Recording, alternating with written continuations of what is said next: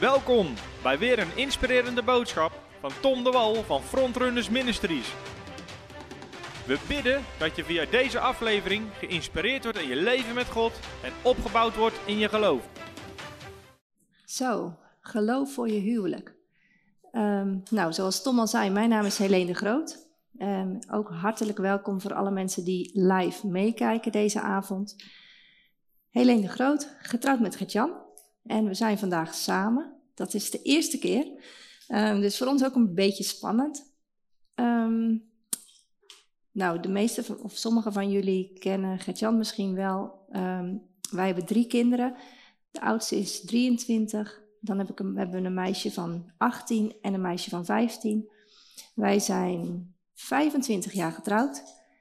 Best wel wat ervaring inmiddels.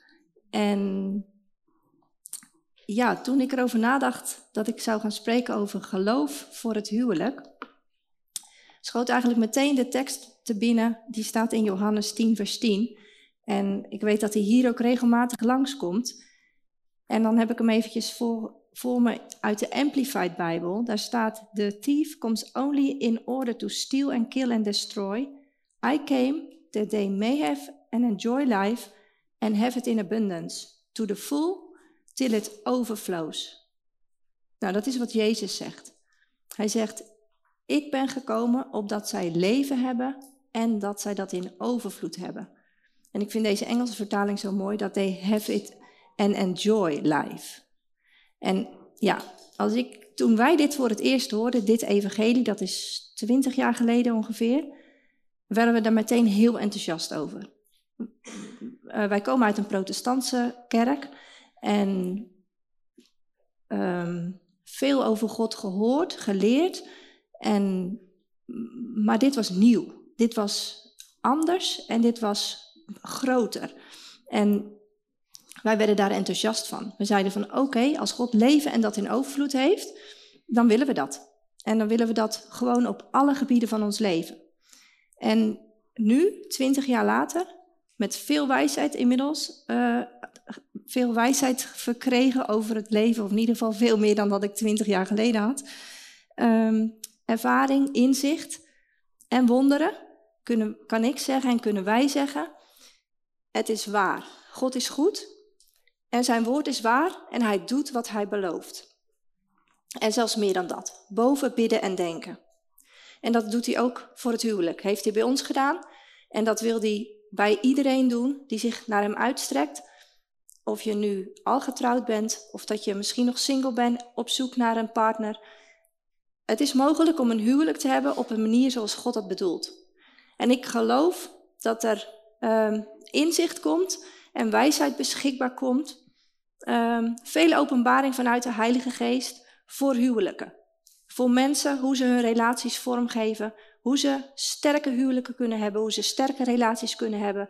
Op een zodanige manier dat God tot zijn eer komt en dat wij tot ons doel komen.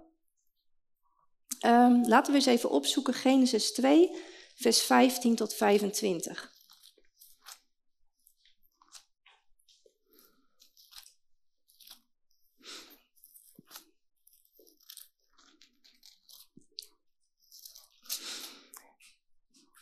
En terwijl jullie het aan het opzoeken zijn, deel ik nog een tekst, want ik had er nog eentje. Uh, naast Johannes 10, vers 10. Spreuken 3, vers 1 tot 6. Daar staat: Mijn zoon, vergeet niet mijn wet of mijn lering, maar laat je hart mijn geboden vasthouden. Want lengte van dagen en jaren van leven, die het waard zijn om te leven, en rust, van binnen en van buiten, en dat gaat door tot op hoge leeftijd, tot dat je sterft en dat zal aan jou toegevoegd worden. Amen. Genesis 2, vers 15 tot 25. De Heere God nam de mens en zette hem in de hof van Eden om die te bewerken en te onderhouden. En de Heere God gebood de mens van alle bomen van de hof mag u vrij eten, maar van de boom van kennis van goed en kwaad daarvan mag u niet eten, want op de dag dat u daarvan eet, zult u zeker sterven. Ook zei de Heere God, het is niet goed dat de mens alleen is. Ik zal een hulp voor hem maken als iemand tegenover hem. De Heere God vormde uit de aardbodem alle dieren van het veld en alle vogels in de lucht en bracht die bij Adam, om te zien hoe hij ze noemen zou. En zoals Adam elk levend wezen het noemen zou, zo zou zijn naam zijn. Zo gaf Adam namen aan al het vee en aan, het, aan de vogels in de lucht en aan alle dieren van het veld. Maar voor de mens vond hij geen hulp als iemand tegenover hem.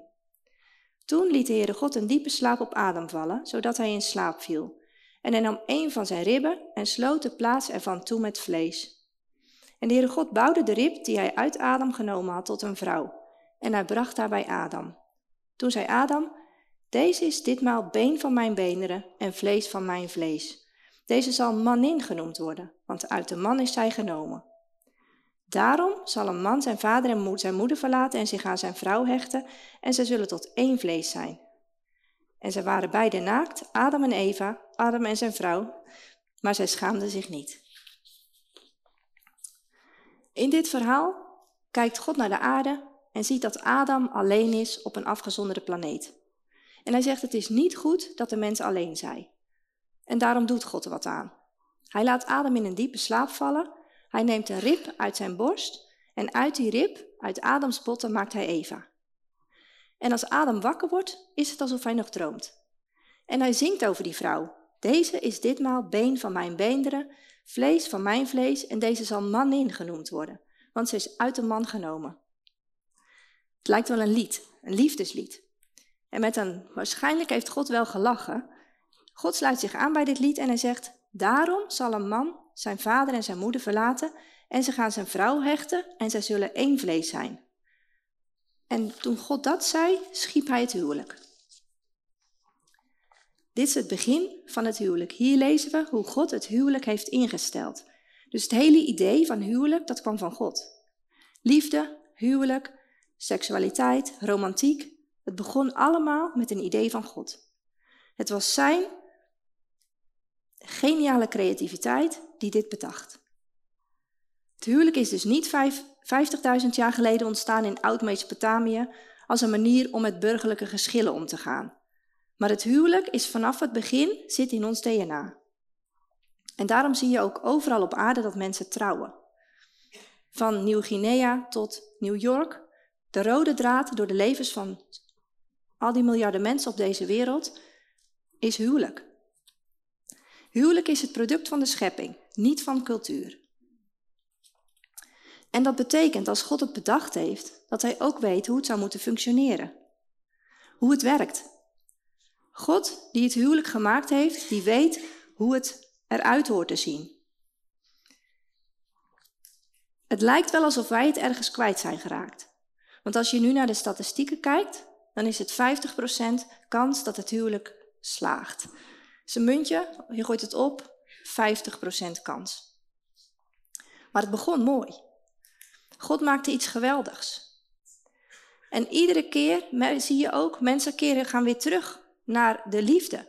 Ook al hebben ze verkeerde voorbeelden gehad of um, is er iets ergs gebeurd, mensen gaan toch weer terug. Maar we weten ook hoe dat komt, want er gebeurde iets in die tuin. De slang die vond ingang in die tuin. En hij kwam Adam en Eva en hij kwam Adam en Eva tegen in die pure liefde die zij met God hadden. En we weten dat de duivel, die wordt een mensenmoordenaar van de beginnen genoemd. En hij, hij kon niks anders bedenken dan dat kapot te maken. En dat heeft hij ook geprobeerd en we weten dat het hem ook gelukt is. En alles wat hij daarvoor nodig had was een leugen. God had gezegd niet te eten van de boom van kennis van goed en kwaad, want als je daarvan eet zul je zeker sterven. Maar we weten, de slang fluisterde in Eva's oor, je zal zeker niet sterven. Want God weet, als je van die boom eet, zullen je ogen geopend worden. En je zult God zijn als God, je ken, kennende goed en kwaad. Wat was de leugen? De leugen was dat God niet van ons houdt. Dat God niet uit is op ons geluk. Dat we hem niet kunnen vertrouwen dat Gods manier niet de beste manier is. En dat wij het eigenlijk beter weten dan God. En die eerste mensen geloofden de leugen. En dan verandert het liefdesverhaal in een tragedie. En de eerste plek waar zonde zijn intrek nam, was, het, was in de relatie tussen Adam en Eva. Adam beschuldigde zijn vrouw en zijn vrouw beschuldigde de slang. Twee mensen die elkaar in de haren vliegen. En de eerste huwelijkssoop was geboren. Mensen die getrouwd zijn, die weten het vast wel. Um, het, lijkt, het is gemakkelijk om Adam en Eva dom te vinden. Um, die mensen, die eerste mensen. Maar zijn wij echt zo anders? Zijn wij beter? En de realiteit is dat we allemaal precies dezelfde keuze moeten maken. Van welke boom gaan we eten? Geloven wij de leugen? Gaan we onze eigen weg? Denken dat we beter zijn dan God? Gooien we dat muntje op en hopen we dat hij goed valt? Gaan we voor die 50% dat het gaat lukken? Of luisteren we niet naar de slang, maar naar de schepper? En geloven we dat Gods weg de beste weg is? Hij is de schepper en hij is goed.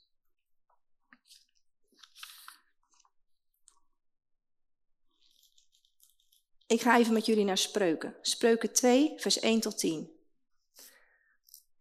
Als jullie hem in het Nederlands hebben, dan lees ik hem in het Engels voor, want daar staat net iets meer in.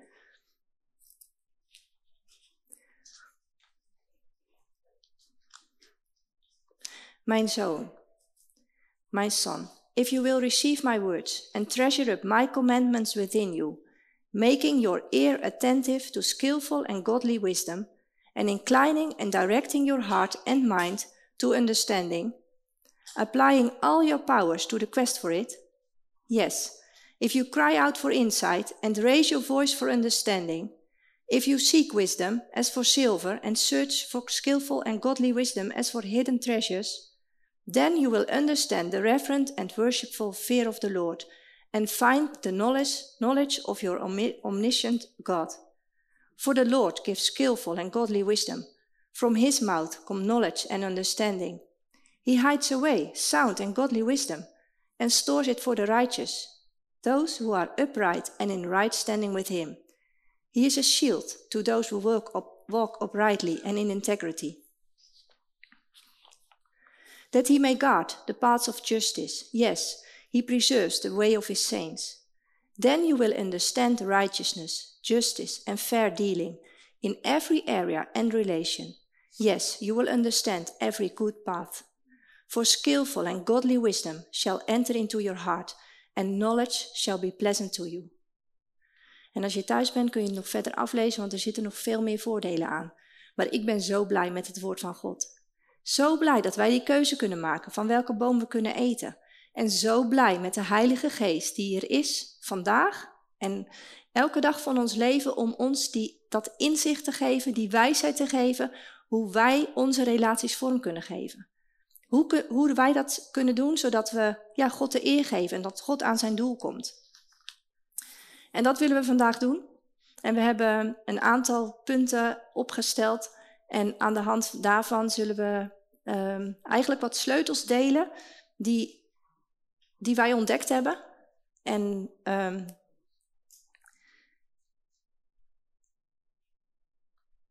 toen ik 25 jaar geleden voor de keuze stond en um, de keuze maakte om te trouwen, realiseerde ik me, als ik nu terugkijk, eigenlijk niet waar ik aan begon. Maar als ik nu terugkijk en de afgelopen periode bezie, dan zou ik weer hetzelfde besluit maken, want het, is, het verrijkt je leven zoveel. Je wordt er je leert jezelf heel goed kennen. Um, je, je, je partner haalt het beste in jou naar boven, maar, maar ook het slechtste. En daar is God bij. En die, ja, die, die, daar, met zijn wijsheid kun je dat weer op een bepaalde manier ga je dat weer vormgeven. En um, dan word je dus een beter mens. Het doel van het huwelijk. Dat is belangrijk om te weten, want als je weet wat het doel is, kun je er ook geloof voor hebben hoe je, dat vorm gaat, hoe je het vorm gaat geven. God zegt, het is niet goed dat de mens alleen is. Een mens is naar het beeld van God gemaakt en naar zijn gelijkenis. Je echtgenoot is je beste vriend. Je kent elkaar en je wordt gekend. Je drinkt samen koffie en je kent elkaar op, het, op een diepste intieme manier. Vriendschap, dat is een van de doelen van het huwelijk. Daarnaast tuinieren. God plaatst de adem in de tuin om die te bewerken en te bewaren. En dat is een deel van onze functiebeschrijving. Hij zei: laat ons mensen maken en laten zij heersen. En dat ze vruchtbaar zijn. En dat tuinieren, Dat las ik ergens als een omschrijving. Actief samenwerken met God om de wereld verder te helpen. Gemaakt om samen te werken met God, om zijn koninkrijk te bouwen en een plaats te creëren waar mensen floreren, waar mensen tot hun doel komen en waar je s'avonds kunt wandelen met God.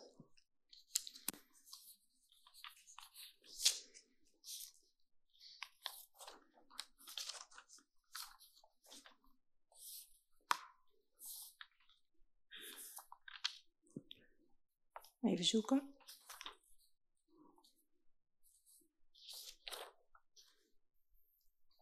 Dan heb je samen een roeping. Seksualiteit, dat is deel van je mensheid. En het is bedoeld om te delen met een ander mens. En God maakt het huwelijk als context voor je seksualiteit. En het omgekeerde is ook waar. Hij maakt de seksualiteit als de lijm die het huwelijk bij elkaar houdt. Dus seks om te trouwen is niet verkeerd, maar het is niet de enige reden. En een vierde doel van het huwelijk is familie. God zegt: wees vruchtbaar, word talrijk en vervult de aarde. Familie bestaat uit om Gods heerschappij uit te breiden over de aarde. Betekent niet dat iedereen moet trouwen of dat elk stel kinderen moet krijgen. Er zijn andere manieren om je roeping uit te leven, maar een gezin is wel een van de redenen waarom God het huwelijk heeft gemaakt.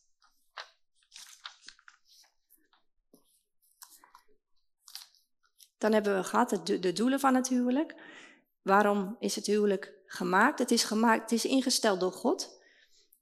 En dan noemde ik al dat wij een aantal sleutels hebben gevonden en dat we de sleutels gebaseerd op het woord van God, die hebben ons geholpen en die helpen ons nog steeds om het huwelijk te doen op Gods manier. En wat ik geloof is dat de Heilige Geest um, door deze sleutels, maar ook in de komende tijd, als je je uitstrekt naar wijsheid, over het huwelijk, hoe het op voor jou kan functioneren. En als je nog alleen bent, hoe, hoe jij je kunt voorbereiden op het huwelijk. Dat hij je die wijsheid wil geven. En dat hij je inzicht wil geven, hoe jij dat op de beste manier kunt doen. De eerste sleutel. Zoek God eerst. We horen veel over de waarde, de ware. Ehm, heb jij je ware al ontmoet? En als ik um, een beetje de Insta van mijn dochter uh, volg en van haar hoor, hoe, hoe dat op die leeftijd is, dan lijkt het wel dat heel belangrijk is om de waarde te vinden. Om vervuld te zijn, dan heb je die waarde nodig. Dat is wel een beetje het beeld wat je krijgt uit de media en de social media. En als je christen bent, dan vraag je God om, te, om jou diegene te geven die jou compleet maakt. Want eigenlijk weten we toch wel dat we niet gelukkig zullen kunnen zijn zonder die ware. En misschien als je inmiddels getrouwd bent, heb je je gebed iets aangepast. En heb je misschien gezegd van, nou God, ik dacht werkelijk dat dit de persoon was die u op mijn pad had gestuurd. Maar nu ben ik niet meer zo zeker van. Ik vraag u, verander deze persoon alstublieft in de persoon die ik weet dat hij kan zijn, iemand die mij compleet maakt. Dit is natuurlijk uh, niet echt, maar de ware. Waarom zijn wij zo op zoek naar de ware? Het is waar dat we het nodig hebben om de ware te vinden. Die ene, om werkelijk compleet te zijn. Maar een ander persoon kan die ware niet zijn. Om werkelijk vervuld te zijn in het leven moet je die ene vinden. Met een hoofdletter. En God is die één. Hij is jouw ware. En je partner is nummer twee. Dit is een van de meest belangrijke fundamentele principes om een betekenisvolle, langdurige relatie te kunnen hebben. God is de ware en hij is jouw nummer één. Matthäus 22, vers 36, daar staat dat ook. Daar lezen we hoe Jezus, hoe een fariseer naar Jezus toekomt en hem vraagt wat het belangrijkste is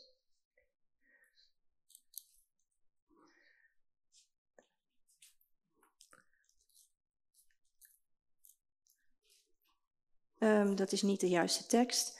Um, die zoek ik straks. Ik zal straks even noemen wat de tekst is. Maar de, het gedeelte is in ieder geval dat er een fariseeën naar Jezus komt die vraagt: Wat is het belangrijkste gebod in de wet van Mozes?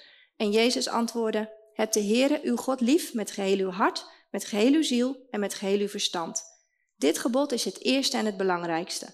En het tweede gebod komt op hetzelfde neer. Heb uw naaste net zo lief als uzelf.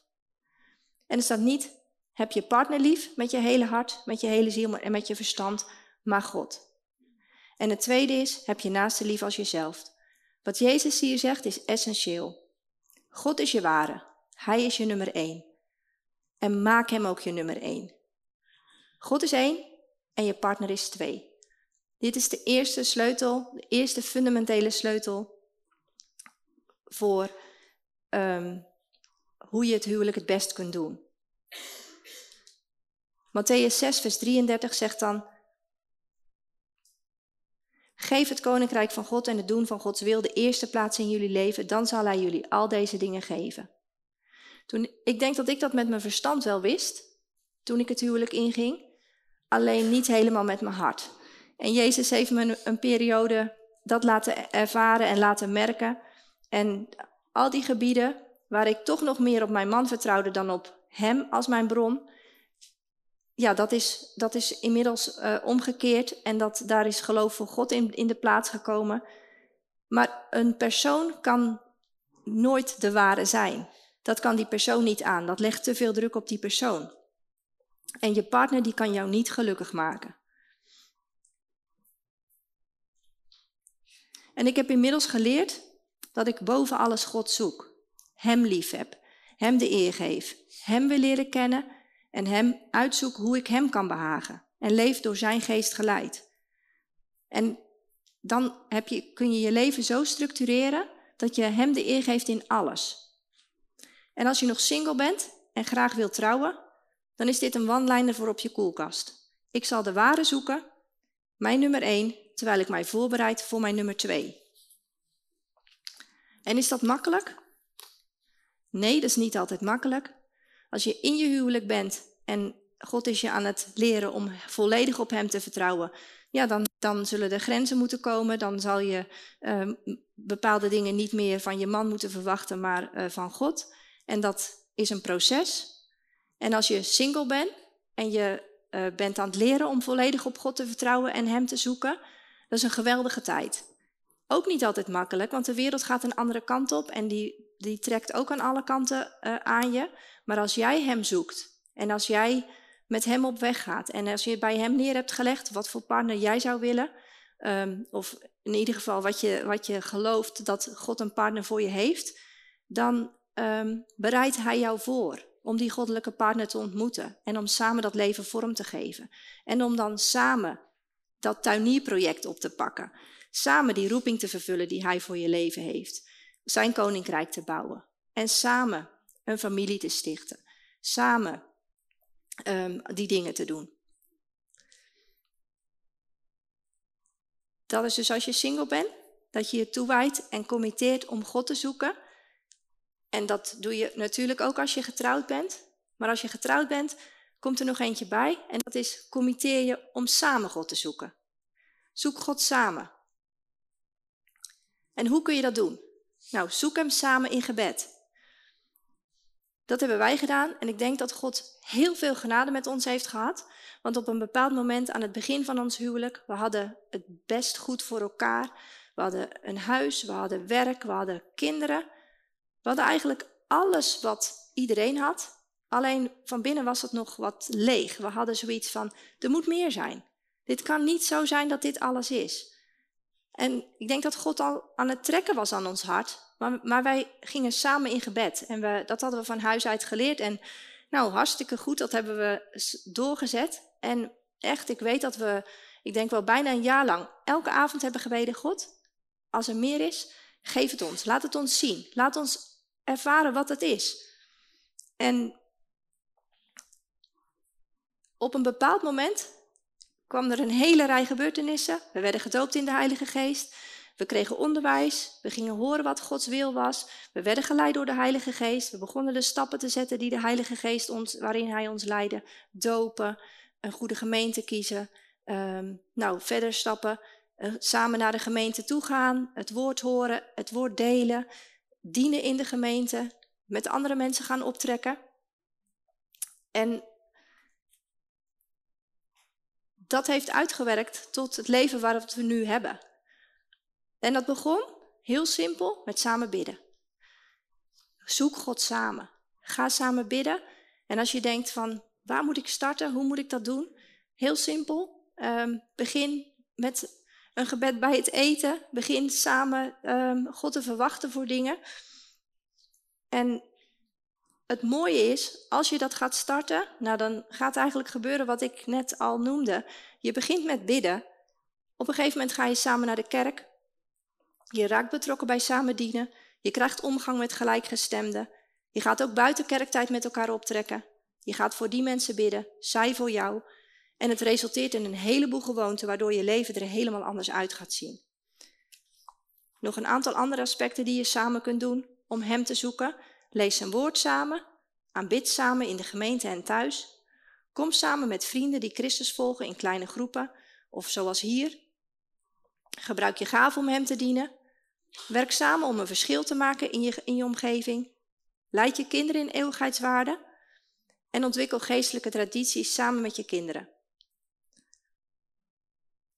Nou, dit zijn eigenlijk krachtige gewoontes die als je die vorm geeft en als je die een plek geeft in je huwelijk, dan hebben die een positieve beweging richting dat doel wat je gaat bereiken, namelijk een geweldig huwelijk. Jij mag eh, de volgende serie doen.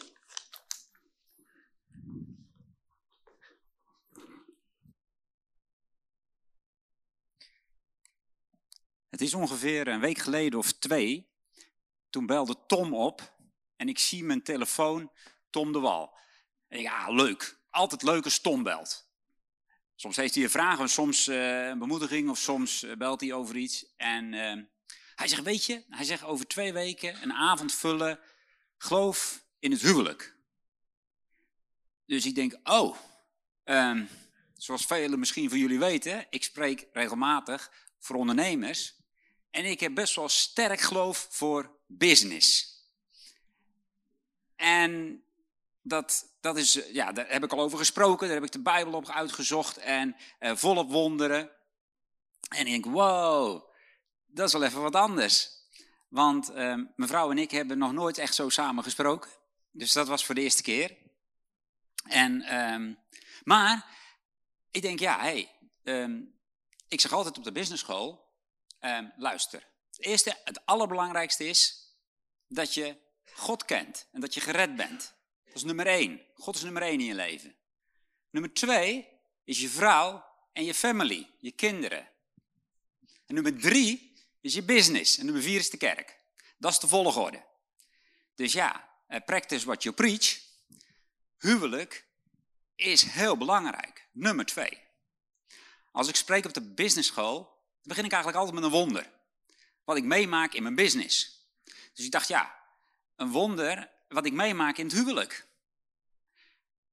En ik dacht dan vorige week. Vorige week sprak ik voor uh, eh, 100 ondernemers, christenondernemers. En ik was uitgenodigd om te spreken met Ben Kroeske in Amsterdam.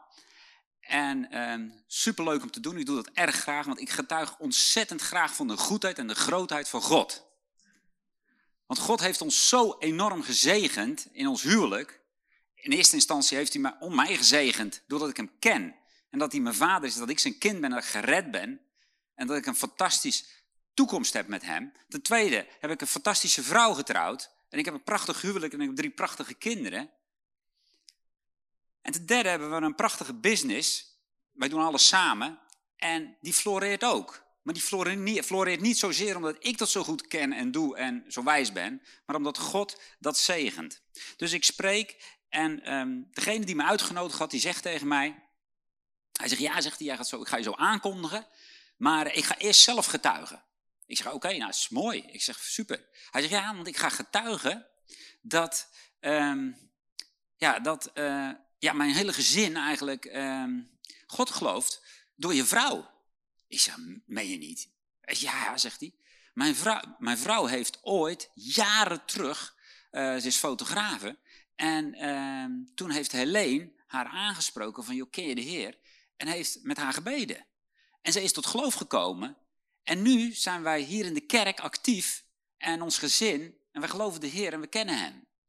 En uh, toen dacht ik, wauw. Nou, ik vertel over een wonder. Um, en ik ben zo blij dat Helene, en ik zat er natuurlijk apetrots voorin, uh, te luisteren, dat Helene de stoutmoedigheid heeft gehad om dat te doen. En ik werd daar zo blij van. Dus ik denk, ja, wauw, ik ben getrouwd met Helene, die die, die, dat, die stoutmoedigheid heeft gedaan om dat te doen. En ik werd ter plekke weer zo blij dat ik met Helene getrouwd ben. En dat ik uh, haar ken. En dat het huwelijk fantastisch is. En ik kan niet anders zeggen dat, um, um, dat ik blij word. En we zijn al 26 jaar getrouwd. Ik ga je toch even corrigeren. Het is geen 25 jaar, 26 jaar. En onze middelste dochter is geen 18, maar 19 jaar. Maar ik ben super blij dat we samen uh, getrouwd zijn. En ik, we hebben ook prachtige jaren. Wel in 2016 een keuze gemaakt, en dat vertel ik ook als ik voor de zakenmensen spreek, uh, een belangrijke keuze gemaakt om mijn job op te zeggen. En een van de redenen, dat zeg ik altijd, was omdat um, God sprak in ons leven toen we, uh, toen we op vakantie waren. Maar dat het tijd was om een doorbraak te hebben. Ik geloof dat God het beste voor je in huis hebt en het beste plan voor je leven. Dat geloof ik. En in 2016 was het tijd om mijn business, die, waar ik verantwoordelijk was, en mijn drukke job op te zeggen. Om uiteindelijk uh, tijd te hebben voor God en voor ons gezin en voor Helene en voor ons huwelijk. En ik ben blij dat dat gebeurd is. Want je moet zoiets wel tijd geven en input geven. Wordt uitgenodigd door Tom. Helene heeft, het vol, heeft, heeft heel veel, die geeft ook cursussen, voor parenting course en, en eh, voor children en ook voor huwelijk. En Helene heeft de, de format voor de avond een beetje bepaald. En het zijn vijf gedeeltes. Ik zeg, nou weet je, jij doet 1, 3, uh, 5, ik doe 2 en 4.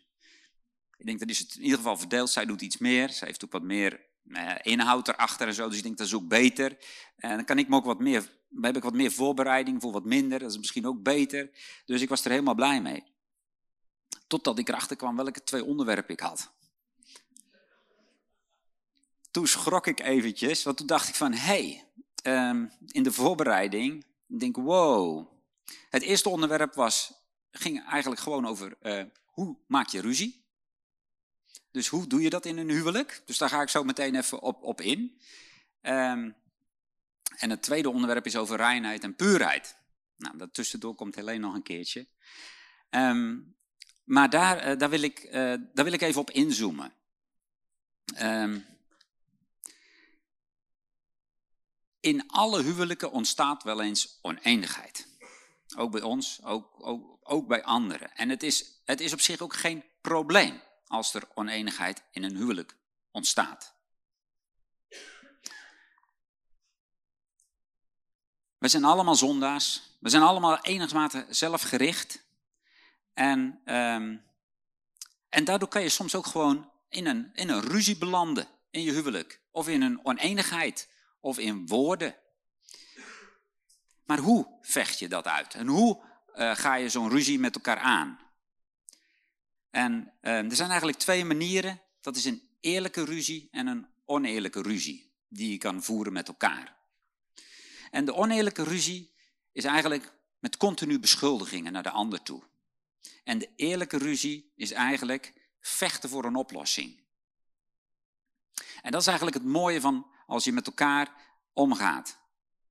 Ik zeg wel eens, als je een ongeschil hebt, dan brengt het je naar een ander level. Als je een geschil hebt, of als je een, een oneenigheid hebt, of je hebt echt een ruzie over iets, ik was vanochtend nog aan het hardlopen met Anko, waar ik de business school mee doen. En ik ging wat vragen stellen. Ik denk, dan ben ik vast een beetje voorbereid hoe hij dat beleeft. En hij zegt, ja, die ruzies, hij zegt, vaak gaat het helemaal nergens over. Het onderwerp gaat het helemaal niet zo over. Maar je bent eigenlijk gewoon maar een beetje aan het, aan het, aan het oneenigheid met elkaar te hebben. Waar het uiteindelijk om gaat is vecht je voor een oplossing en vecht je om next level te komen. En als je, als je met elkaar ruziet, wat je vaak merkt, en dat merk ik ook met mijn vrouw als ik vaak een oneenigheid heb, of als ik een oneenigheid heb, is het brengt je naar een next level. Want uiteindelijk ben je toch weer zo dat je het op wil lossen, dat je weer verder wil met elkaar. En door zo'n ruzie kom je eigenlijk ook weer dichter tot elkaar en is het next step naar een nieuw niveau. Next level. Jacobus, en ik zag net dat die tekst zo mooi op het scherm kan. Kan, kan dat? Uh, Jacobus 1, vers 19 en 20. Ik heb hier allemaal devices, maar ik kom er net achter dat ik mijn hand met, met microfoon ook vol heb. Dus Als die tekst op het scherm zou eh, kunnen komen, heel graag. Zo dan, mijn geliefde broeders, ieder mens moet haastig zijn om te horen, maar traag om te spreken en traag tot toren. De toren van een man brengt immers geen gerechtigheid voor God teweeg.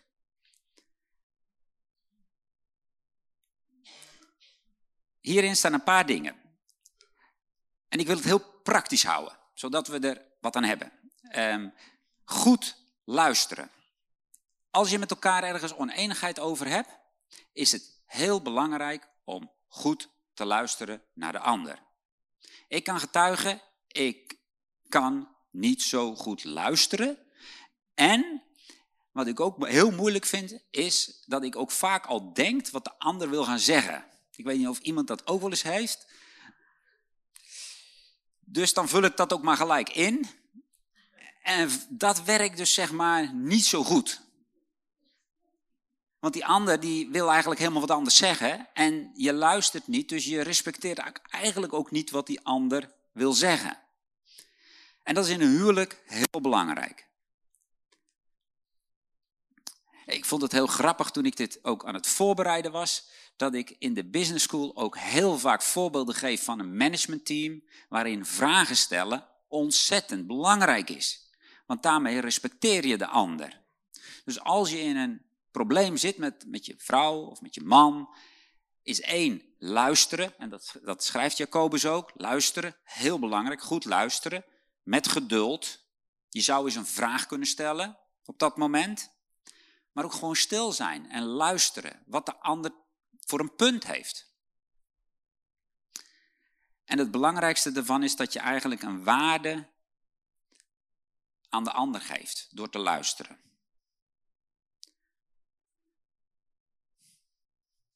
Niet te gauw iets zeggen.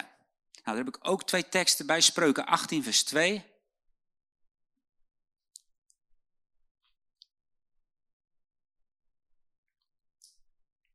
Een dwaas vindt geen vreugde in inzicht, maar alleen in het blootgeven van zijn hart. Waar een goddeloze binnenkomt, komt ook verachting en met schande komt ook smaad. Ik twijfel of dit goed gaat. Uh, Spreuken 21, vers 23.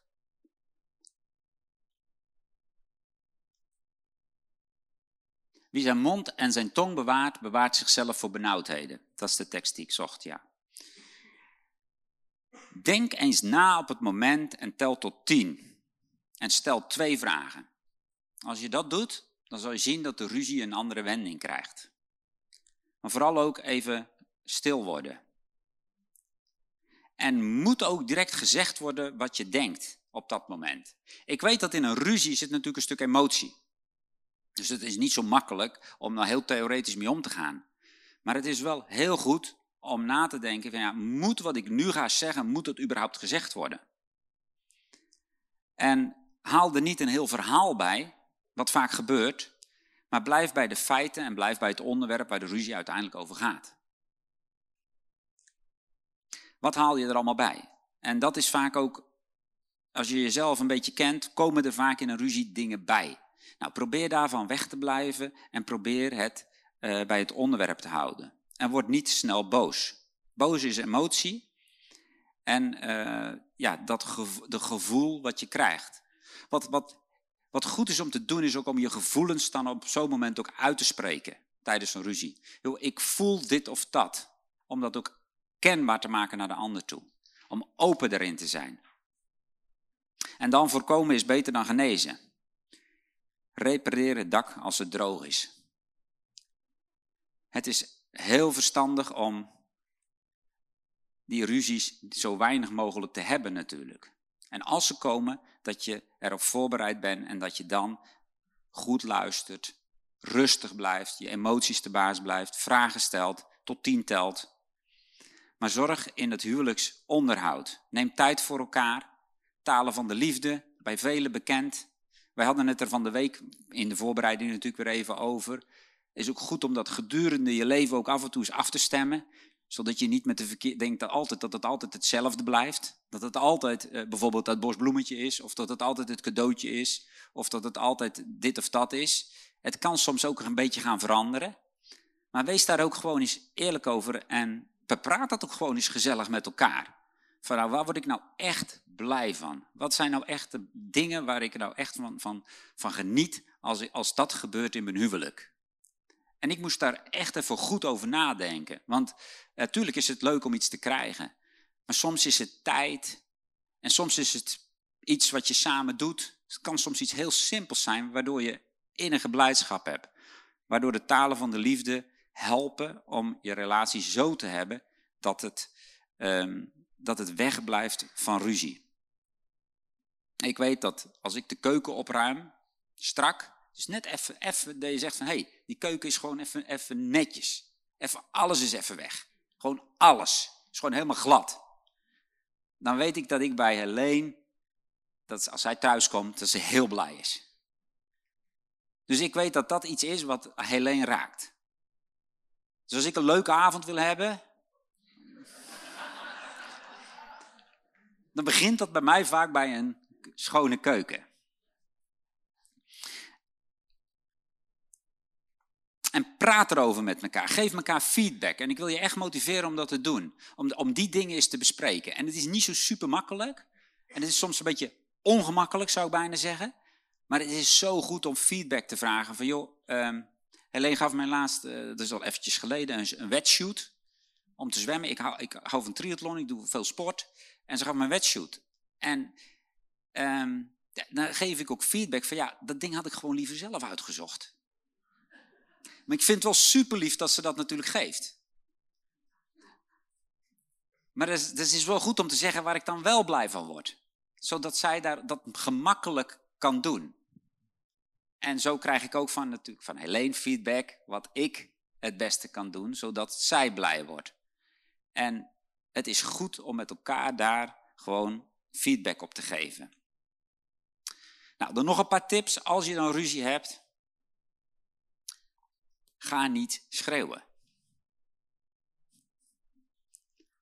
Dus hou die stem gewoon rustig, blijf rustig en um, probeer niet te hard te spreken. Gebruik niet van die all-inclusive woorden, van altijd. Het is altijd, je nooit. Het gebeurt nooit dat je op tijd bent. Ik noem maar wat. Het zijn hele heftige woorden die vaak ja, gelijk ook weer emotie opwekken. Want die ander denkt van ja, het is nooit altijd. Het, is, het, het gebeurt ook wel eens anders. Dus het is direct weer conflict. Dus probeer die woorden niet te gebruiken. En, en dat is een hele ruige, maar dreig niet met scheiden. Als je getrouwd bent van ja, nou ja, als je zo, dan ga ik, dan ga ik scheiden. Never give up. Dat is een hele belangrijke, om als je met elkaar het woord geeft van we blijven bij elkaar en we vechten voor elkaar. Is zo belangrijk om dan dat niet te zeggen. Ja, en in Efeze 4, vers 26 en 27 staat, als je dan al ruzie hebt en je komt niet echt tot een oplossing en je krijgt het niet echt uitgepraat en je loopt eigenlijk soort boos weg naar je slaapkamer en je steekt je hoofd in je kussen en je denkt, whatever. Dat is niet goed. Dus ga niet met je boosheid naar bed. Praat het uit en ga dan slapen. Laat, er is een duidelijke tekst over in Efeze 4, vers 26 en 27, waarin de duivel eigenlijk dan een kans krijgt om een haak uh, te hebben. En het is niet goed om in boosheid te gaan slapen. Zoek God en bid tot Hem. En dat is vaak het moeilijkste wat er is. Op die momenten dat je ruzie hebt om Hem te zoeken, om samen te bidden en de issue eigenlijk aan de kant te leggen en je te richten op Hem. Het kan heftig zijn. En elk ruzie kan ook, kan ook zo heftig zijn dat het gaat over een aantal onderwerpen waarbij, waarbij bijvoorbeeld het echt gaat over kritiek op de ander, geen respect voor de ander of geen verantwoordelijkheid meer nemen voor de situatie. En in zo'n geval praat je over een heftige ruzie. En dan is het gewoon wel verstandig om ook daarin dan, als dat lang aanduurt, om gewoon hulp te vragen. En om ook daarin wel heel serieus te gaan kijken van, joh, hoe krijgen we dat opgelost? Heel belangrijk om, om dat wel te beseffen, want een huwelijkscrisis is wel, als het over zulke soort onderwerpen gaat, ja, dat is wel heftig als je niet meer de verantwoordelijkheid neemt of je de andere persoon totaal niet meer respecteert. Conclusie? Wees eerlijk. Als je ruzie hebt, probeer ruzie te hebben met een oplossing. Probeer te vergeven. Open jezelf en zoek God samen. Dat zijn, dat zijn de mooie stappen om te doen. En vecht niet tegen elkaar, maar vecht voor je huwelijk. Het is zoiets moois, het huwelijk. En het is waard om ervoor te vechten. Maar niet tegen elkaar, maar met elkaar om je huwelijk, om bij elkaar te blijven. En eerlijk vechten is pure winst. Dat is echt winst. Als je die ruzies kan, kan doen, waardoor je next level bereikt. Kijk, die oneenigheden die zijn er. Maar de manier waarop, als je dat op een eerlijke manier kan, kan uitpraten met elkaar en het je uiteindelijk dichter bij elkaar brengt en next level brengt, dan is het winst. Winst voor je huwelijk.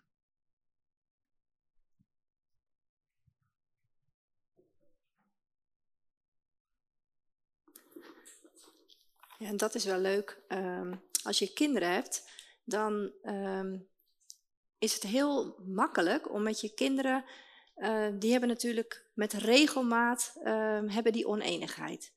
Uh, dat hoort gewoon bij het opgroeien. Die, hebben, die leren, uh, moeten leren grenzen aan te geven. Die moeten nog zoveel leren.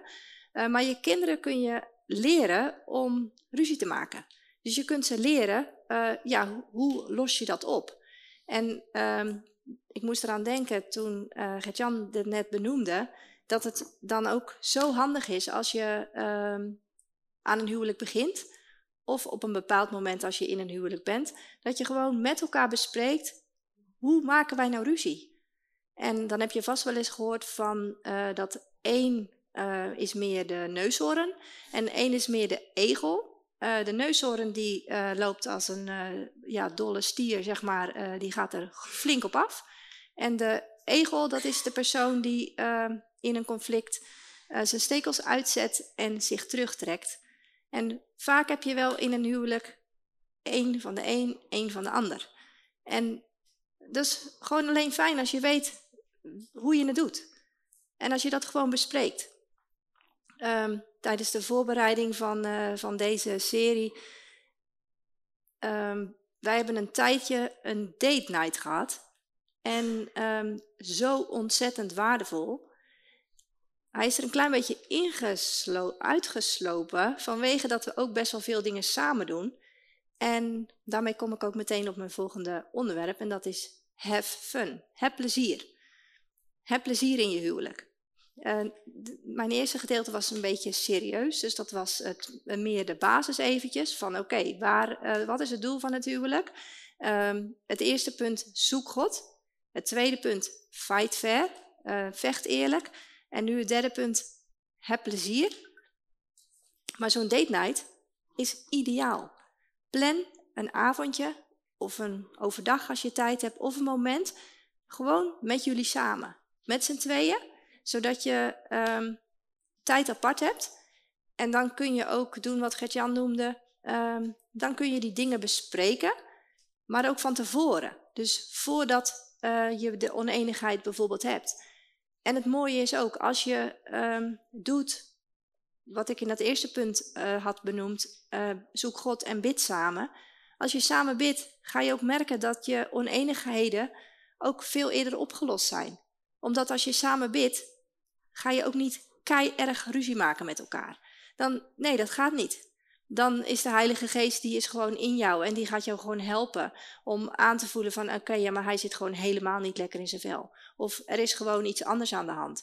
Um, dus dan kan je die punten waarop jij anders uh, ja, ook uh, hoog in je emotie ging, kun je gewoon uh, naar beneden houden en kun je gewoon heel rustig reageren. En je zal merken naarmate je die gewoonte dus inbouwt om samen te bidden, samen God te zoeken, worden de ruzies of de oneenigheden, die, die worden veel makkelijker, die lossen veel eerder op. En, um, en je kan zal voor zijn. Want doordat je eh, samen een momentje hebt, doordat je gewoon één keer per week of nou ja, misschien één keer per twee weken of hoe je het ook afspreekt, moment samen hebt, heb je eigenlijk een voortgaande intimiteit met elkaar. Dus je, je weet uh, wat er speelt, je weet waar iemand mee bezig is. En dan um, voorzie je ook in de bepaalde behoeften. Gertjan noemde ze al, de talen van de liefde. En bij heffen is het echt wel nodig dat je gewoon weet van die talen. Het, het concept is heel simpel. Um, je gaat ervan uit dat ieder mens een emotionele tank heeft. En die emotionele tank, als die gevuld is, dan functioneer je op je best. Je voelt je geliefd, je voelt je zeker van jezelf, je voelt je, um, je, voelt je waardevol en je, uh, je bent vol vertrouwen. En als die leeg is, dan ben je gewoon eerder geprikkeld. Je, je bent sneller geïrriteerd, je, je lontje is wat korter. En het is fijn om het te weten van jezelf. Um, dan ga ik eigenlijk al een stapje naar voren. Dus de, de basis is die emotionele tank. Dan zijn er vijf talen. En die vijf talen, um, van die talen wordt eigenlijk gedacht dat ieder mens één of twee of drie talen heeft waarin die het best ervaart dat er van hem gehouden wordt. Dus als die taal bij jou gesproken wordt, dan voel jij, hé, hey, ik, word, ik word lief gehad. Iemand heeft mij lief, ik voel liefde. En die vijf talen die zijn positieve woorden, aanraking, dienstbaarheid of uh, dat er iets voor je gedaan wordt, lichamelijke aanraking, even spieken of ik ze allemaal heb, en cadeaus. Hulpvaardigheid is het andere woord ervoor. En er zijn, is op internet is, het, uh, is er een site waarop je heel makkelijk kunt zien, kan je invullen voor jezelf en dan kun je erachter komen welke taal uh, waarop jij het beste scoort en waarop jij dus het meest liefde ontvangt. En het is leuk als je dat met z'n tweeën doet, dat je partner het ook doet.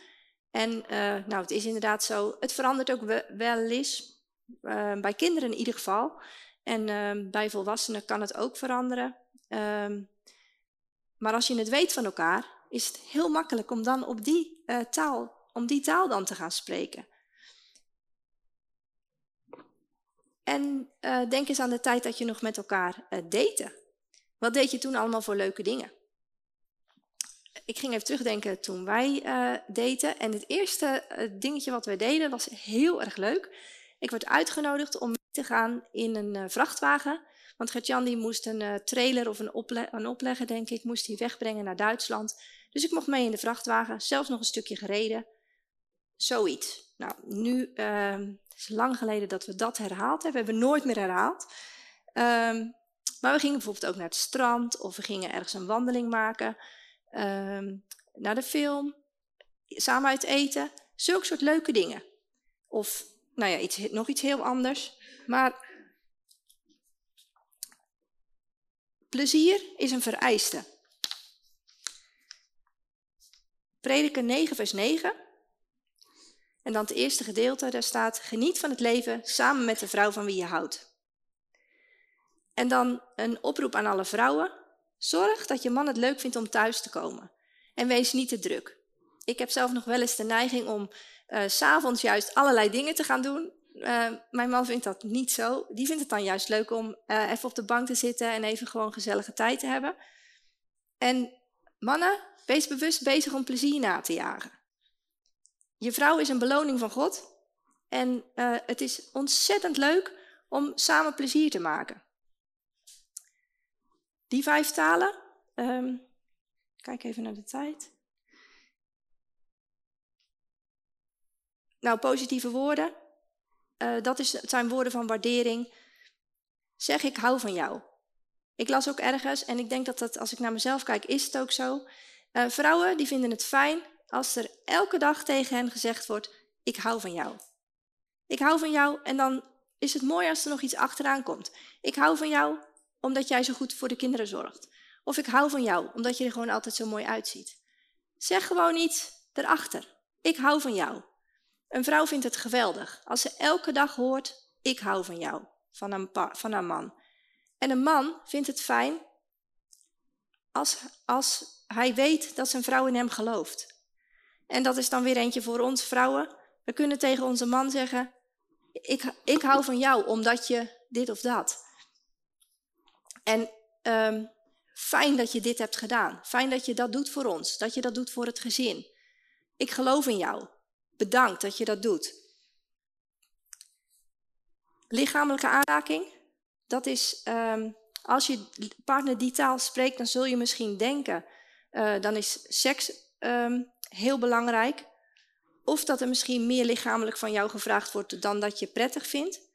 Maar deze taal gaat helemaal niet alleen over seksuele aanraking. Dat zijn allerlei andere manieren van aanraking, van fysiek contact. Kussen is er eentje van. Dat is natuurlijk, uh, als, als je dat beide fijn vindt, dan kun je dat gewoon blijven doen. Onze kinderen die zijn uh, nu in de leeftijd, uh, de jongste dan, ehm, ja, dat ze, dat, ze hebben dat een tijdje best wel raar gevonden als, als je dat nog deed. En een andere dochter die, um, die komt er altijd tussen als wij samen kroelen of iets anders doen. Dus die wringt zich er dan tussen, maar die is nu bijna even lang. Dus dat is dan altijd wel een hele grappige situatie. Maar ook hand vasthouden, uh, knuffelen, um, dicht naast elkaar zitten. En het leuke is ook, en het, misschien het ook het, soms het ingewikkelde, soms is de taal die jouw partner heeft niet de taal die jij het makkelijkste spreekt. Maar je kunt ze allemaal leren. En dan kun je ook Um, ja, ik noemde nu een aantal, maar je kunt gewoon ook op internet zoeken en er is een boek van Gary Chapman, daar staan ze allemaal in. Um, ga dan gewoon de taal van je partner leren en strek je ertoe uit om, om dat ook te gaan doen. Maar bij lichamelijke aanraking is er dus werk bewust aan fysiek contact. Nou, cadeaus, die liefdestaal draait om tastbare bewijzen van liefde. En dan kun je denken aan um, ja, bijvoorbeeld je rijdt langs de bakker en je denkt, uh, oh ik ga gewoon even iets kleins, iets leuks meenemen voor haar of voor hem. Of uh, een gezond ontbijtje. Of een leuk potje pindakaas. Of um, een maaltijdsalade. Gewoon kleine dingetjes. Dus eigenlijk bekijk het leven door de lens van cadeaus. Hoeft niet groot, kan gewoon klein. Um, geef geschenken als je partner in een dip zit. Vergeet de souvenirs niet. Mis geen gelegenheid. Maak een, um, zorg dat je de verjaardagen dat die, die uitgebreid viert. Um, ik heb één dochter en die heeft deze taal. En ze, op een bepaalde verjaardag zei ze, um, ze had alleen maar zeepjes gekregen. En ze zei, nu is er niemand die heeft nagedacht wat ik nou echt leuk vind en heeft dat gegeven.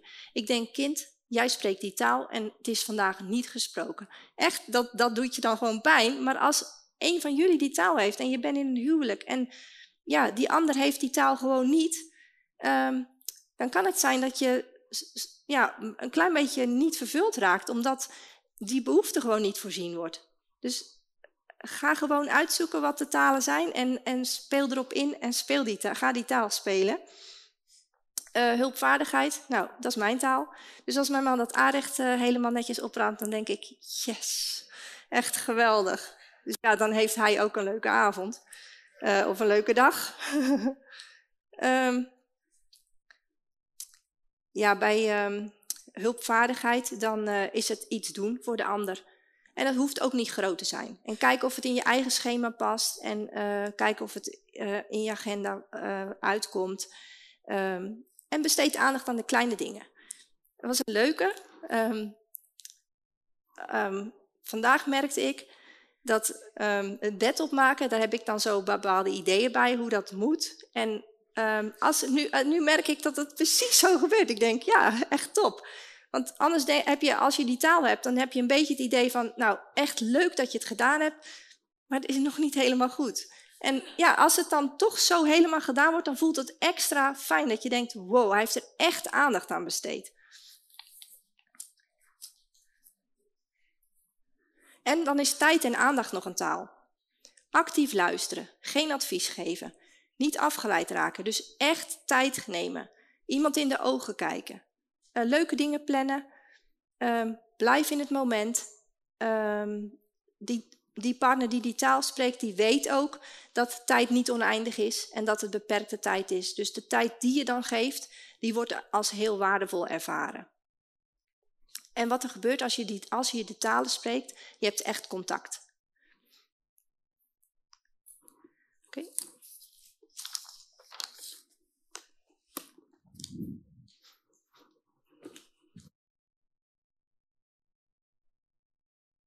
Wij zijn samen een business gestart, eh, vijf jaar geleden. Dat is ook echt een aantal bevelen hoor. In het begin dacht ik echt vreselijk, maar eh, ik was natuurlijk gewend om een groot bedrijf te leiden. En, uh, en toen gingen we ineens eigenlijk een heel klein bedrijf samen doen. En uh, toen nog niet zoveel medewerkers. mijn vader, hij was toen medewerker, maar het was, was heel klein. Maar het is wel ontzettend leuk om, om die dingen te vinden en samen te doen. We lopen ook samen hard.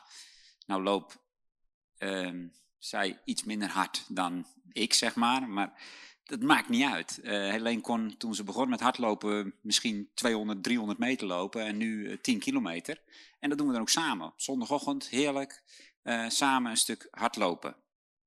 Het is, het is zo mooi, een huwelijk. En het is zo leuk.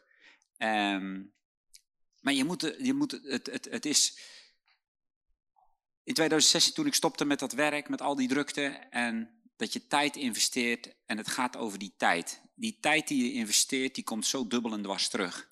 Dus dat is zo mooi om te doen. Het moment dat je meer tijd investeert in je partner en meer aan die relatie bouwt, hoe mooier het is, hoe mooier het wordt. En hoe enthousiast ik vandaag nog steeds ben over Helene. En als ik het net hoorde, hoe enthousiast zij ook nog steeds is over mij. En dat is super gaaf. Dat heb je ook nodig, want nu kom ik eigenlijk nog bij een um, onderwerp waar ik een paar teksten bij gevonden heb en waar ik zelf ook echt door aangeraakt ben, door die teksten ook en door de duidelijkheid van Gods woord. Ik geloof namelijk ook heel sterk in je woorden die je spreekt, de teksten in de Bijbel die er staan. Op een gegeven moment, het is jaren geleden, toen zeiden mevrouw en ik, toen hadden we zo te praten, toen hadden we ook veel onderwijs gehad. En toen zeiden we tegen elkaar, ja, we zitten tegen elkaar te praten, maar volgens mij kunnen we gewoon beter alleen nog maar in Bijbelteksten met elkaar praten. Want het woord van God is zo krachtig. En laten we zo dicht mogelijk bij het woord blijven. En het woord van God is zo krachtig. En als ik dan een aantal teksten las over het rein blijven en het rein zijn in je huwelijk, toen was ik echt wel onder de indruk. Uh, ik, wil, ik wil die lezen. En ik heb hier een iets andere vertaling een, een eenvoudigere uh, vertaling in gewoon Nederlands. Um, Hebreeën 13, vers 4. Denk eraan dat het huwelijk iets heel kostbaars is. Ga hierin dus goed met elkaar om en wees niet ontrouw aan je eigen man of vrouw. Want God zal de mensen straffen die hierin verkeerde dingen doen. Wow. Denk eraan dat het huwelijk iets heel kostbaars is. Dus als je getrouwd bent, het huwelijk is iets heel kostbaars. En God vindt dit ook erg belangrijk. Dat we hier goed mee omgaan en de goede dingen doen.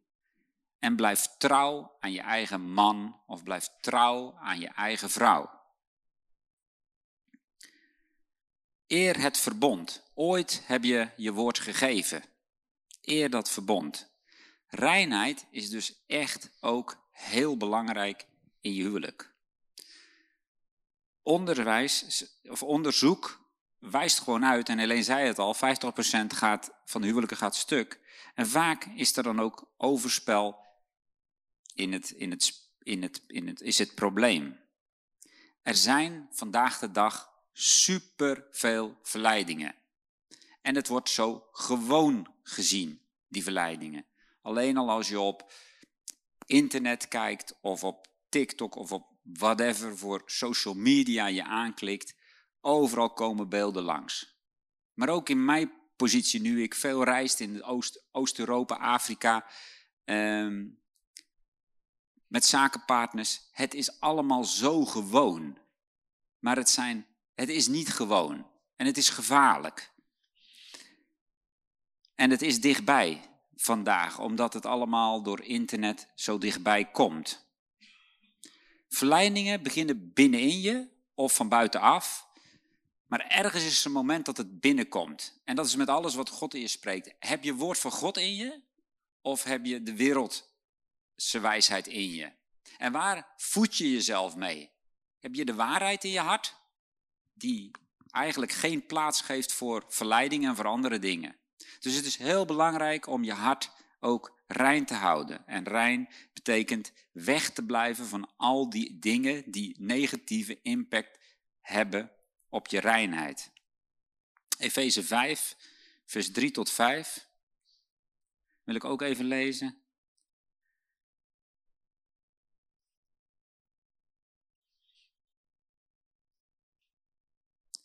Mogen jullie, maar jullie mogen absoluut niet met allerlei vrouwen of mannen naar bed gaan, of allerlei andere verkeerde dingen op het gebied van seks doen. Wees ook niet langer hebzuchtig. Gedraag je zoals het past bij de mensen die bij God horen. Stop met vuile paraatjes, eh, grove woorden en vieze moppen. Laat liever zien dat je God dankbaar bent.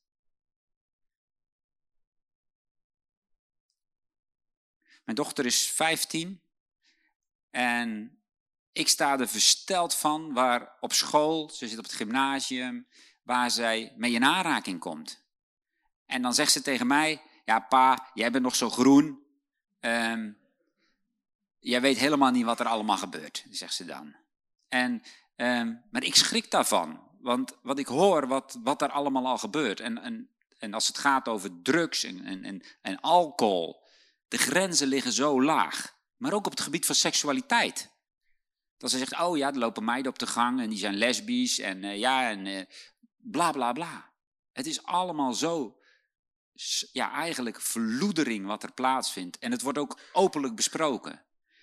En als je dan, um, en ik zei vanavond tegen haar ook van, um, die lat leggen we hoog, Sophie. Dus, um, Sophie, mijn dochter, onze dochter. En ja, wij, hebben gewoon aangegeven, dat wij, wij, wij willen dat niet, dat soort dingen. En we willen haar, haar ook mee bekendmaken dat het woord van God anders spreekt. Het waarheid van het woord van God is zo duidelijk. En deze tekst is eigenlijk zo helder als het gaat over zulke soort dingen. En als er grappen en moppen en, en onreinheid wordt gesproken, dat je daarvan wegblijft. En dat is echt een bewuste keuze. De verleidingen zijn groot. En ik, eh, zowel voor vrouwen als voor mannen, om daar ook rein in te blijven. Ik vergelijk het wel eens met vergif. Ik heb een tijd eh, kleurstof verkocht, natuurlijke kleurstof. En als je die kleurstof in een vloeistof, een druppel deed in een bak met water, dan kleurde die hele bak die kleurde blauw of rood. Het was een hele sterke kleurstof. En het is eigenlijk met die onreinheid ook zo. Als er maar iets in je leven komt, patch, het kleurt eigenlijk, het verkleurt eigenlijk het hele gebied in je leven. Het is eigenlijk als een soort gif in je leven. Dus het is zo belangrijk om daarin je reinheid te bewaren en daar goede keuzes in te maken. En dat is een grote uitdaging voor wij als mensen. Ik vind het leuk om wel eens een oorlogsfilm te kijken of, of, of iets met, met, vanuit de geschiedenis of zo. En je ziet dat daar vaak dat je eigenlijk het niet meer kan zien. Dat je het eigenlijk niet meer kan kijken. Omdat er zoveel dingen in gebeuren die zo wereld zijn. En waardoor je eigenlijk toch weer impact hebt in je leven van dingen die niet normaal zijn dat die gebeuren. Om dat te voorkomen is eerlijkheid heel belangrijk, transparantie heel belangrijk. In voorbereiding hierop las ik van een voorganger. Die zegt, ja, ik laat gewoon elke week mijn historie op mijn internet checken door een medewerker, zodat het goed en correct en zuiver is. Dat zijn heftige maatregelen die je neemt voor jezelf.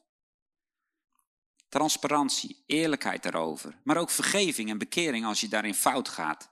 En dealen met onze fouten. En anders, als, je al, als er al een fout gemaakt wordt op dat gebied, als je erin blijft en je bekeert je er niet van en je, vergeeft je, je wordt niet vergeven daarin, dan word je dieper en dieper weggetrokken in zoiets. Stel je de vraag, is het het je waard? Is het het je waard?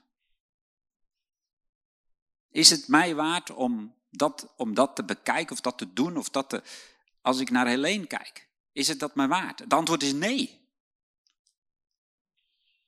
En wij in Korinthe staat, er is geen verleiding zo groot dat we hem niet kunnen weerstaan. We worden niet boven onze macht verleid op dat gebied.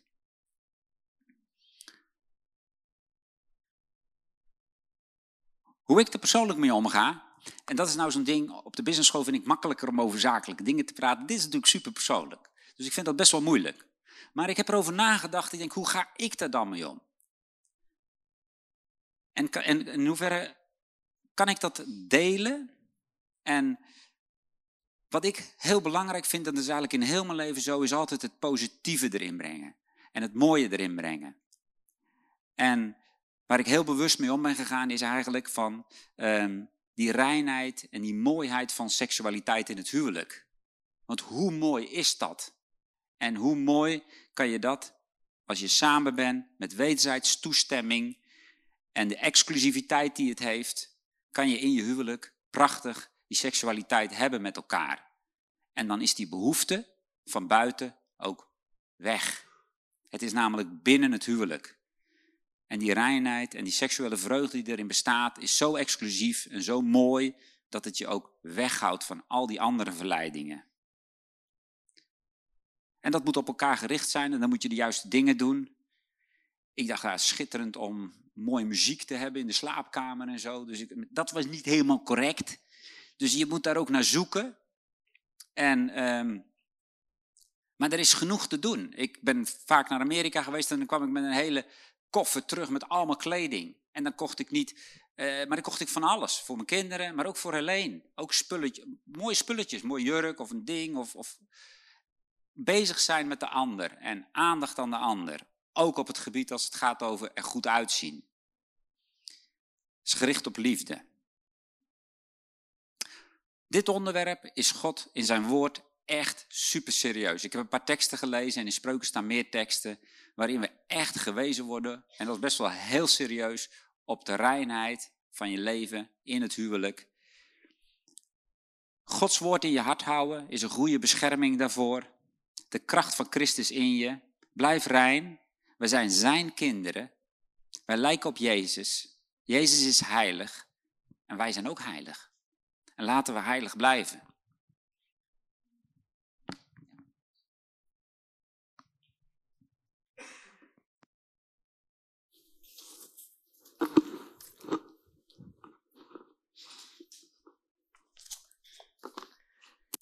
Um, ja, en bij heffen, om daar nog een heel klein beetje op in te haken, naast de reinheid, um, lichamelijk de liefde bedrijven, is een van de ja, prachtigste dingen die God heeft gemaakt en die heel veel plezier uh, kunnen geven en die, die jou heel veel plezier kunnen geven in het huwelijk, wat exclusief voor het huwelijk is. Um, um, God heeft het zelf bedacht. En daar word ik dan heel enthousiast van. Denk van, hoe prachtig um, kan, heeft God iets gemaakt wat zo intiem is en wat zo uh, iets moois is. En dat heeft hij echt speciaal bedoeld voor jou. Voor jullie twee. En dat is, dat is een cadeau. Dat is een geschenk van hem. En um, ja, Gert-Jan noemde het al. Je, je merkt onder de jeugd dat er uh, best wel al heel veel gedaan wordt. God heeft het huwelijk bedoeld als een uh, context om seksualiteit in plaats te laten vinden, als een bescherming. En als ik hoor inderdaad hoe het onder jongeren al besproken wordt, gedaan wordt, dan gaat dat mooie eraf. Maar hoe kostbaar als wij, als kinderen van God, die heiligheid die God bedoeld heeft, toepassen en die reinheid toepassen en de wereld laten zien, het is zo. God heeft het zo bedoeld. Het is bedoeld voor jou om ervan te genieten. Het is ook geweldig omdat het ook werkt als een lijm in je huwelijk. Um, mannen hebben er meer behoefte aan meestal dan vrouwen. Um, maar voor een man, en dat voelt het, dat heb ik ergens gelezen, ik, denk, ik heb het nog niet met Gertjan besproken, maar ik denk wel dat het zo is. Um, voor vrouwen is het, als je emotioneel of als je um, ja, emotioneel wat langer afstand houdt, dat voelt echt vreselijk. En voor een man is dat hetzelfde als het seksueel te lang duurt. En dan is het voor ons ook makkelijker te begrijpen hoe dat voelt niet fijn. Dus dan is het nodig dat, we, dat je je daar allebei voor openstelt om, het, om eh, met elkaar de liefde te bedrijven, gewoon met regelmaat, om seksualiteit te hebben. Ja, toch? Ja, dat vind ik ook. en wees creatief. Gertjan die zei het al. Ehm, voor, de, voor ons vrouwen, ehm, mooie lingerie. Hoe mooi kan het zijn? Mannen die houden ervan om dingen te zien. Nou, laten we daarop inspelen. Ehm, en mannen kunnen misschien iets meer doen aan de toenadering.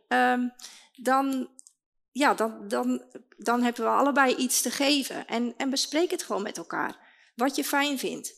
een Bijbelse richtlijn is daarin doe aan de ander wat je ook wilt dat aan jou gedaan wordt.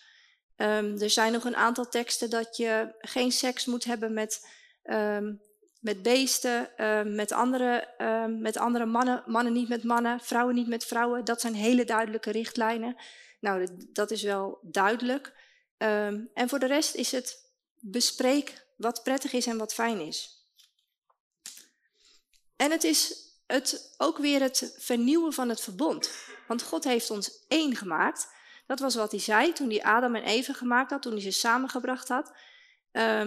Is het je opgevallen dat Adam had helemaal geen vader? Maar God zegt wel, je zal, een man zal zijn vader verlaten en een, een, uh, en een vrouw haar uh, zal zijn vader en moeder verlaten. Adam had geen vader, maar het was een instelling voor, ook voor ons. En die eenheid die God bedoelt en die God uh, gaf aan de mens, die komt zo mooi tot uiting als je um, één wordt in de liefde.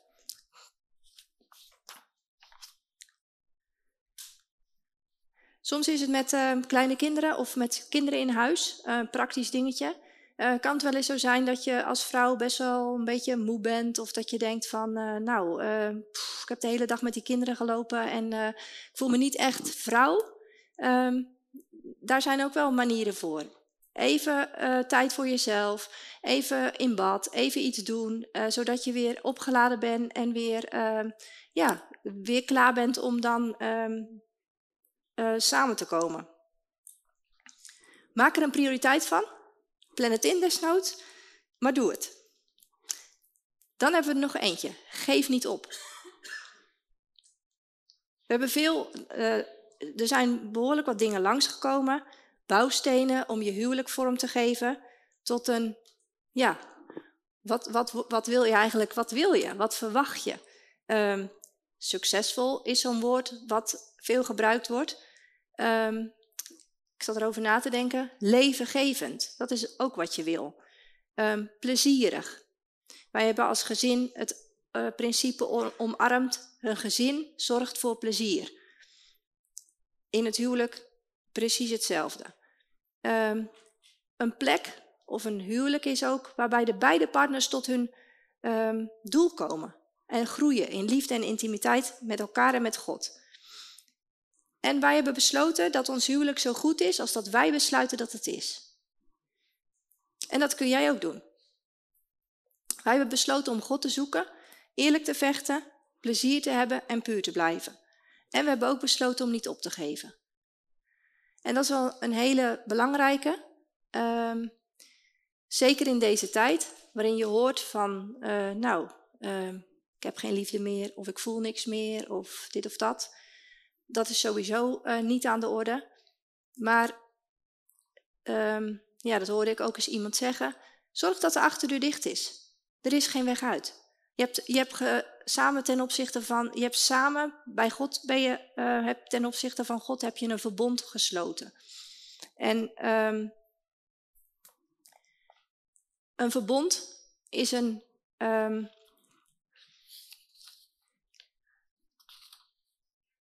dat is geen contract. Dat is gebaseerd op wederzijds commitment. Een contract, las ik, dat is gebaseerd op wederzijds wantrouwen. Het is gebaseerd om jouw verantwoordelijkheid te begrenzen en mijn rechten te vergroten. En het zegt eigenlijk, ik stap hierin uh, voor zover als jij uh, uh, je geeft. En die ander zegt dat precies hetzelfde. Maar een huwelijk is een verbond. En dat is een permanente relatie. En God is ook een God van permanente relaties. Hij maakt voortdurend relaties met mensen. En als wij een verbond maken met God, dan is het nodig dat we het houden. Het maakt niet uit hoe. Je gaat met elkaar verder. En is de liefde op, dan gooi je die tank weer vol. Dan ga je weer plezier maken. Dan ga je die, die, die, um, die talen weer spreken. En misschien. Ik zei net, ik noemde net um, dat wij de keuze hebben gemaakt om. Um, om het huwelijk zo goed te laten zijn als dat wij willen dat we, dat we het laten zijn. En misschien ben jij de enige. Misschien ben je de enige die die keuze maakt. Maar jij kunt die keuze maken. Misschien is je partner niet, nog niet mee. Maar jij kunt wel de keuze maken om je huwelijk zo te laten zijn zoals jij wilt dat het is. Jij besluit wat voor huwelijk je zult hebben. En misschien zit je hier of luister je en denk je, hoe kan ik dit ooit voor elkaar krijgen? Misschien ben je verraden in je huwelijk. Is er sprake geweest van overspel? En de Bijbel zegt dat overspel, dat is grond voor scheiding. En misschien ben je wel gebleven. En dan wij willen je eraan herinneren dat er een waarheid is die heel krachtig is, namelijk vergeving. Ontrouw is grond voor scheiding, maar ook voor vergeving. En om een huwelijk te hebben dat zoals God het wil, dan kan ik je verzekeren dat je heel veel uh, gaat vergeven. Maar ik, ik kan een besluit nemen om niet op te geven. Ik kan mezelf vernederen onder God, Hem dagelijks zoeken en Hem geloven voor een wonder. En ook jij kunt besluiten om niet op te geven. Je bent in een verbond en je bent in een verbond met God en niet alleen met je partner. En als je een belofte gemaakt hebt van God, kun je daarbij blijven en kun je van God een wonder verwachten. Het huwelijk, dat betekent doorgaan, niet opgeven. En heb je dan door dat God jou aan het oprekken is? Ik heb wel periodes gehad dat ik dacht van, man, hoe ver moet ik nog gaan? En hoe, uh, wat moet ik allemaal nog geven en kan ik het wel? Maar ja, dat kan. Met God is alles mogelijk. Alle dingen zijn mogelijk voor degene die gelooft. Hij vergroot jouw capaciteit om lief te hebben. Hij vergroot je capaciteit om te vergeven. Om standvastig te zijn, om gedisciplineerd te zijn en om zelfbeheerst te zijn. En het betekent het niet opgeven betekent dat je vertrouwt op Gods mogelijkheid om het onmogelijke te doen. Natuurlijk betekent het, het ook dat het niet zo is dat je je partner toestemming geeft om jou te mishandelen en te behandelen op een manier die niet hoort. Als niet opgeven betekent dat je eerst afstand moet houden, uh, uit elkaar moet gaan, om misschien door counseling heen te gaan of, of uh, om aan je huwelijk te werken, dan is dat eerst nodig. En als je een huwelijk hebt gehad, wat geëindigd is in een scheiding, dan kan vandaag een nieuwe dag voor jou zijn. Als je in Christus bent, veroordeelt Hij jou niet. Niet voor je verleden. Jij kunt je verleden loslaten, genade omhelzen, jouw verantwoordelijkheid accepteren in het beëindigen van die relatie en de genade accepteren en de vergeving die God jou wil geven. En daar begint jouw weg naar heling en, en genezing. En misschien kijk je terug en denk je, hmm, wat heb ik veel fouten gemaakt. En als ik terugkijk, dan denk ik ook, hmm, ik had echt sommige dingen wel beter kunnen doen. Maar we kunnen het verleden niet overdoen en ook niet veranderen. Wel kunnen, kan ik vanaf deze dag besluiten, en kunnen jullie vanaf deze dag besluiten om God te zoeken. Jezus te volgen en God te geloven voor de toekomst. Als het nodig is, vergeving te vragen en stoppen met zondigen. God is onze bron. En liefde is niet iets dat God doet. God is liefde. Johannes 4, vers 8. En in 1 Johannes 4, daar staat, ga ik even opzoeken.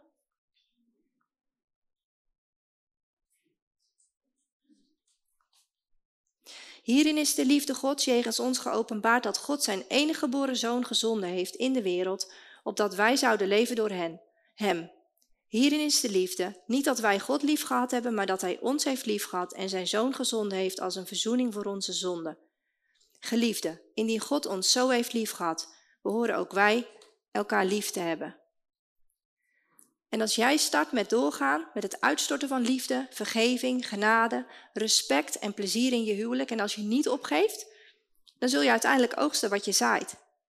Misschien heeft het even tijd nodig om datgene wat gezaaid is, om dat te overgroeien. Maar het principe van zaaien en oogsten, dat is bekend en dat werkt.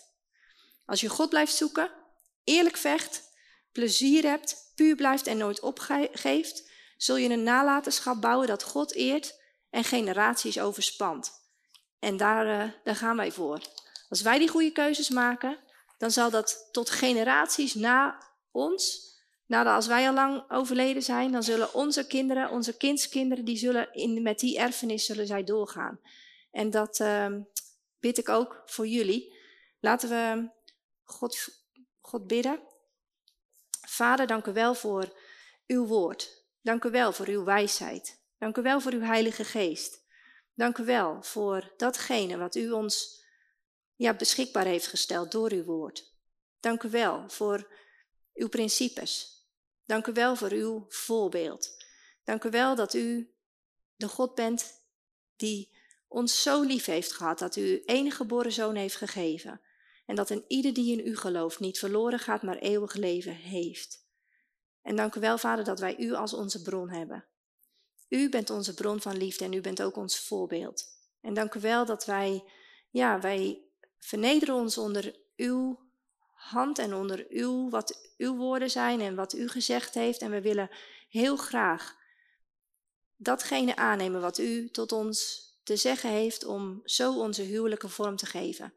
We willen graag uw glorie zichtbaar maken hier op aarde. We willen dat de mensen zien wie u bent. We willen dat ze dat zien door ons heen. En dank u wel dat u dat ook wilt en dat u daar ook mee bezig bent. Dank u wel dat wij uw principes zo vorm kunnen geven in ons leven. En ik bid dat uw geest ook dat bij ieder te binnen zal brengen hoe zij dat persoonlijk in hun leven kunnen vormgeven. Hoe ze zo, zodanig hun huwelijk kunnen bouwen dat het sterk is, dat het krachtig is, dat het verfrissend is, dat het leven geeft, dat het uh, elkaar tot, tot bestemming en tot doel brengt en dat het tot in verre geslachten uh, vrucht draagt en, en inderdaad leven geeft. En ik wil u bedanken voor wat u doet en voor wie u bent. In de naam van Jezus. Amen. Hallo, Tom de Wol hier en bedankt dat je weer geluisterd hebt naar onze podcast. Ik bid dat het je geloof gebouwd heeft en je bemoedigd bent. Als je niet alleen een luisteraar van onze boodschap wil zijn, maar ook een verspreider daarvan, wil ik je uitnodigen om partner te worden van Frontrunners. Door jouw maandelijkse donatie help je ons om dit evangelie van Jezus Christus en het woord van God over heel de aarde te brengen. Om partner te worden, ga naar www.frontrunnersministries.nl slash partners en word partner. Hartelijk bedankt en tot snel. Heb je ook zo genoten van deze inspirerende boodschap van Tom de Wal? Abonneer je dan op deze podcast. Volg ons op Facebook en op Instagram en kijk op onze website frontrunnersministries.nl.